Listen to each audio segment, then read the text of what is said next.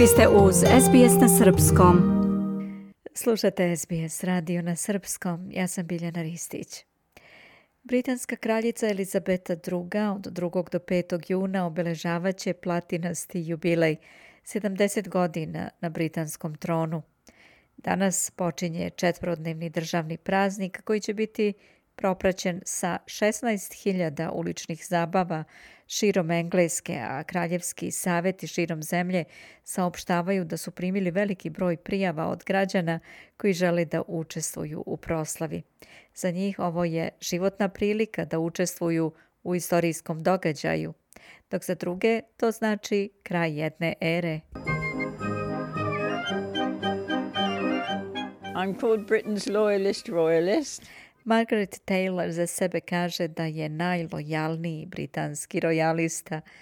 Svaki zid, svaka površina i komadić tepiha u njenom dvosprotnom stanu na u severozapadno od Londona zauzimaju suveniri na kojima su članovi kraljevske porodice. Ova 77-godišnja žena lagano šeta kroz sobe svoga stana u kojima dominiraju na stotine tenjira, šoljica, zvaničnih umetničkih portreta, pa čak i fotoreprodukcije članova kraljevske porodice u prirodnoj veličini. Ona je čitav život bila posvećena monarhiji. Čak je četiri puta kampovala na hladnoći da bi se srela sa njenim veličanstvom kraljicom Elizabetom. You're on cloud nine and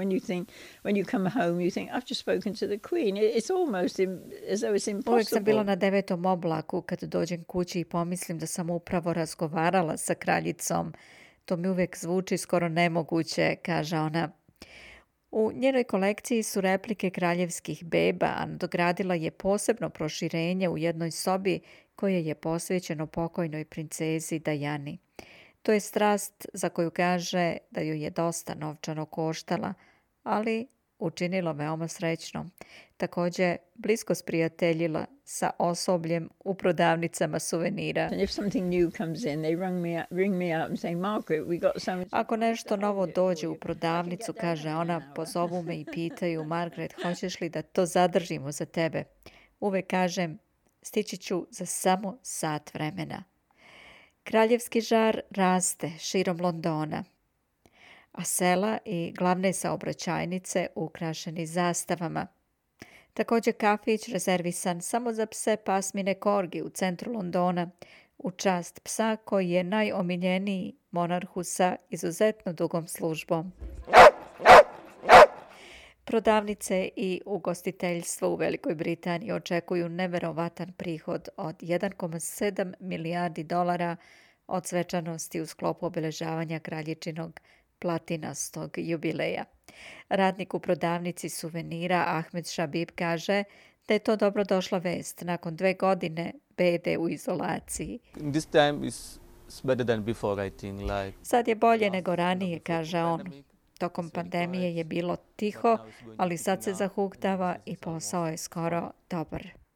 Njeno veličanstvo je prvi britanski monarh koji obeležava 70 godina službe. Tokom njene vladavine sarađivala je sa 14 premijera Ujedinjenog kraljevstva, imala uvid u oko 4000 akata parlamenta i poslala je preko 300.000 rođendanskih čestitki stogodišnjacima.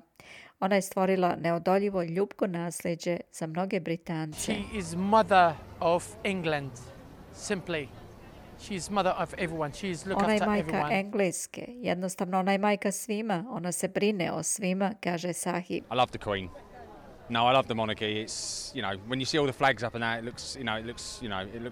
Volim kraljicu. Ne volim monarhiju. Kad vidiš podignute britanske zastave izgleda neverovatno, kaže Andrew.